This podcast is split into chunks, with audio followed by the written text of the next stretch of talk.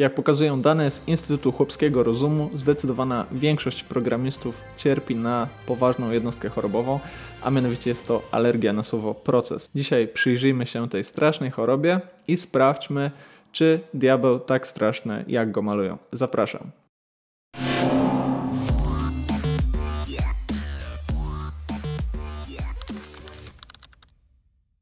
W 2001 roku ukazał się dokument, który na dobre kilka dekad zapewne zdefiniował to, jak w naszej branży zaczęto podchodzić i będzie się podchodzić do realizacji projektów i przedsięwzięć informatycznych.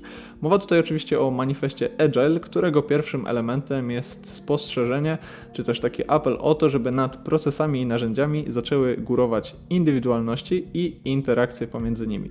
My jako branża jesteśmy bardzo dobrzy, bardzo wykształceni w szybkim przeskakiwaniu do wniosków, więc wnioski, jakie wyciągnęliśmy, polegały na tym, że procesy stały się synonimem wszelkiego zła, a my jako programiści firmy zaczęliśmy oceniać pod kątem właśnie ilości procesów, które w środku obowiązują. Procesy stały się takim synonimem oceny fajności firmy. Jeśli w startupie tych procesów było mniej, to startup był na pewno lepszy niż korporacja, w której tych procesów zapewne więcej. Jeśli ty również masz takie spojrzenie na słowo proces, to być może nie jesteś świadomy ryzyk, które gdzieś tam wywodzą się właśnie z takiego spojrzenia na organizowanie pracy i wszystkiego, co się dzieje wokół ciebie w programowaniu, a dzisiaj chciałbym ci na tą powszechną opinię rzucić nowe światło. Partnerem tego odcinka jest firma Just Join IT, czyli job board, na którym znajdziecie najwięcej ofert pracy z widełkami dla specjalistów z branży IT. Just Join IT specjalnie dla widzów przeprogramowanych przygotowało zestaw ofert pracy, które my umieszczamy w opisie tego filmu, więc teraz możecie zrobić krótką pauzę, przejść na Just Join IT, zapoznać się z ofertami pracy, a następnie wrócić i posłuchać o alergii na procesy. Do szybkiego porównania weźmy dwie firmy. Z jednej strony mały, zwinny, popularny, głośny, fancy startup, z drugiej strony uporządkowana, stabilna, sztywna, przewidywalna korporacja. Zastanówmy się teraz, pod jakim kątem można obie te firmy porównać. No, jeśli właśnie wyjdziemy z tego założenia, że procesy są takim synonimem wszelkiego zła, to zapewne uznamy, że startup to jest to miejsce, w którym wszyscy programiści chcieliby pracować. No bo oczywiście tak jest, prawda? Wszyscy programiści chcieliby pracować w startupie. Wszyscy programiści chcieliby pracować w startupie. Zawsze wszyscy, absolutnie wszyscy, prawda? Pomyślmy, jak wygląda praca w startupie. W startupie bardzo często ramię w ramię siedzi ze sobą grupa ludzi, którzy albo dobrze się e, znają, albo znali się, czy też sprawdzili swoje umiejętności w jakichś poprzednich przedsięwzięciach. Jeśli wychodzicie z założenia, że w startupach nie ma procesów, to właśnie macie takie bardzo pobieżne wyobrażenie tego, jak działają startupy. Jak ktoś kiedyś słusznie zauważył, procesy są w każdej firmie. Sęk w tym, że w wielu są one po prostu niejawne. W startupach bardzo często procesy polegają czy też opierają się na takim porozumieniu bez słów. Jeśli ja znam Marcina, a Marcin zna mnie, to nie musimy się codziennie spotykać i dyskutować o tym, co i kiedy nagramy na przeprogramowanych. Marcin wie, że w ten poniedziałek nagrywam ja, a ja wiem, że Marcin nagrywa na kolejny poniedziałek. Czy jest to jakiś proces? No, można powiedzieć, że nie ma żadnych procesów, ale tak naprawdę jest to proces, który zakłada, że co poniedziałek na naszym kanale będzie się pojawiał nowy film. Ten przykład startupów i procesów niejawnych, które de facto sprowadzają się do porozumiewania się bez słów, pokazuje nam, że cała ta alergia na procesy i ta fajność agile'a może nie jest tak oczywista, jak wielu z nas mogłoby się wydawać. Dlaczego?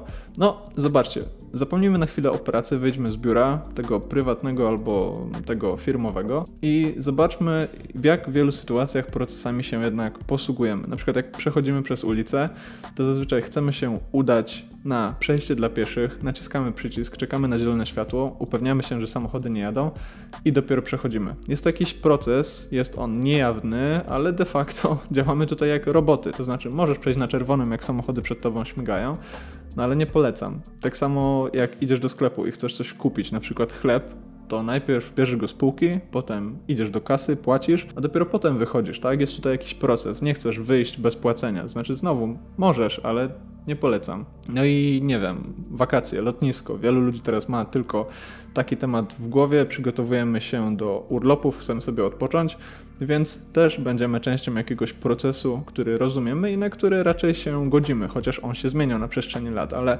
raczej nadamy bagaż, przejdziemy przez bramki, raczej nas przeskanują, sprawdzając, czy nie wnosimy na pokład jakichś podejrzanych yy, przedmiotów i dopiero potem udajemy się w miejsce, gdzie oczekujemy na samolot, stajemy w kolejce 30 minut przed odlotem, no i wchodzimy na pokład. No więc te procesy są, ale jakoś nam nie przeszkadzają. Dlaczego? W każdej z tych sytuacji, o których powiedziałem, proces nam nie przeszkadza, ponieważ wnosi on oczywistą, niepodważalną wartość. Albo jest to wartość związana z ochroną życia, tak jak w przypadku procesu polegającego na tym, żeby konkretne kroki wykonać przechodząc przez ulicę, albo jest to wartość polegająca na tym, że chcemy być po prostu fair wobec społeczeństwa i płacimy za coś, co kupujemy, a dopiero potem wychodzimy. Albo jakaś wartość związana na przykład właśnie z bezpieczeństwem, też z jakimś zaufaniem do infrastruktury, kiedy to przechodzimy przez bramki na lotnisku, kiedy to nadajemy bagaż, a dopiero potem wchodzimy do samolotu. No więc w życiu prywatnym wydaje mi się, że nawet ty czy ja jako programiści nie mamy tak dużej alergii do procesów, jak w przypadku sytuacji zawodowych.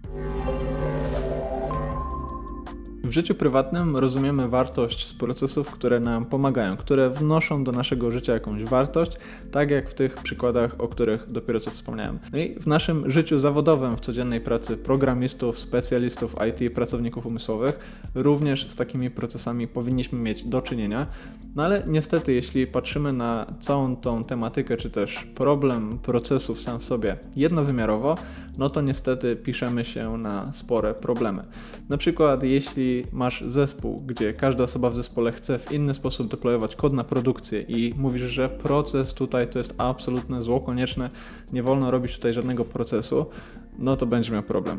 Jeśli masz zespół, który robi jakiś produkt i pojawiają się bugi, i te bugi są rozwiązywane w dowolnym momencie, w dowolny sposób, e, są komunikowane również bardzo losowo, i też mówisz, nie wolno tutaj zrobić żadnego procesu wokół pracy z bugami, no to masz problem. Albo jak masz rekrutację w firmie i na przykład programiści, ty, ja, ktokolwiek, są do tej rekrutacji wyciągani losowo, bo znowu mówisz, że proces to jest absolutne zło, jesteśmy agile, jesteśmy zwinni, no to powodzenia dla programistów, którzy pracują w takich warunkach, którzy są losowo wyciągani z nad swojej klawiatury, z nad swojego kawałka kodu i muszą reagować. Więc Pułapka zwinności to jest takie podejście do słowa proces, takie rozumienie słowa proces, którym jest to dla nas definicja wszelkiego zła. Jeśli tylko zaczynamy rozmawiać o procesie, dostajemy gęsiej skórki i kojarzymy procesy z miejscami, w których nigdy nie chcielibyśmy pracować.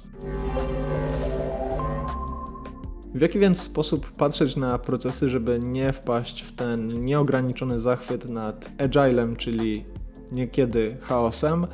No, myślę, że na procesy trzeba patrzeć tak po prostu jak na narzędzia typu młotek, typu śrubokręt. Można nimi zrobić sporo złego. Można się skaleczyć, można sobie przybić palec, można wywiercić komuś dziurę w brzuchu, ale można też coś skręcić, można też przybić gwoździa, można też zbudować domek z drewna. To wszystko przy pomocy tych samych narzędzi. I z procesami myślę, że jest tak samo. To znaczy, jeśli pozbędziemy się takiego jednowymiarowego spojrzenia na słowo proces, na dźwięk, którego wielu programistów dostaje niestety alergii, no to okaże się, że procesy zaczną nam pomagać. Na przykład w sytuacjach, kiedy mamy kod na produkcji, i zamykamy laptopa, bo wybija 16. Nie chcemy prosić całego zespołu, żeby obserwował to, co dzieje się na produkcji. Możemy wprowadzić proces związany z on-callem, z dyżurami i przypisać jedną osobę na dany tydzień do tego, żeby po prostu na tą produkcję zerkała, a reszta zespołu może oczekiwać. I takich przykładów w pracy programisty znajdziemy całe mnóstwo i szybko okaże się, że z procesów często korzystamy, tylko albo są one niejawne, albo po prostu pasują naszym preferencjom. Więc jeśli masz alergię na słowo proces, no to zastanów się, czy na pewno, na pewno, na pewno, absolutnie nie wykorzystujesz procesów w swojej codziennej pracy programisty. No i na sam koniec taka jedna rzecz, yy, którą chciałbym yy, jakby przekazać tym filmem, to jest właśnie to, żeby Agile'a nie traktować bardzo powierzchownie i zastanowić się nad kontekstem. Jeśli w Agile Manifesto pojawia się Individuals and Interactions over Processes and Tools, to e, autorzy nie mieli na myśli tego, że procesy będą absolutnie złe, a jednostkowe, takie indywidualne podejścia do rozwoju oprogramowania będą absolutnie dobre, bo to jest właśnie chaos, to jest ten opacznie rozumiany agile. No więc jeśli chcesz być agile, to wykorzystuj procesy tam, gdzie mają one sens, zmieniaj je, modyfikuj je na podstawie tego, jak zmienia się otoczenie, no i unikaj stagnacji, bo o tym przede wszystkim jest agile, o unikaniu stagnacji. To znaczy, jeśli rzeczy wokół nas się zmieniają, jeśli świat się zmienia, to te procesy i praktyki, które wykorzystujemy w codziennej pracy, również powinny ewoluować. No i to w zasadzie wszystko w tym dzisiejszym odcinku. Mam nadzieję, że takie rozumienie procesów, o których tutaj wspomniałem, jest już stosowane przez wielu widzów naszego kanału. A jeśli udało mi się trafić do kogoś, kto miał właśnie taką alergię na słowo proces i startupy, małe, dzikie, szalone firmy jednoznacznie kojarzył z czymś fajnym, a nudne, słabe, powolne, przewidywalne korporacje z czymś złym, no to mam nadzieję, że te spojrzenia, czy też te horyzonty udało mi się poszerzyć. W tym filmie to wszystko. Do usłyszenia już za dwa tygodnie, a za tydzień Marcin i kolejna część debaty na temat pasji i pracy. Do zobaczenia.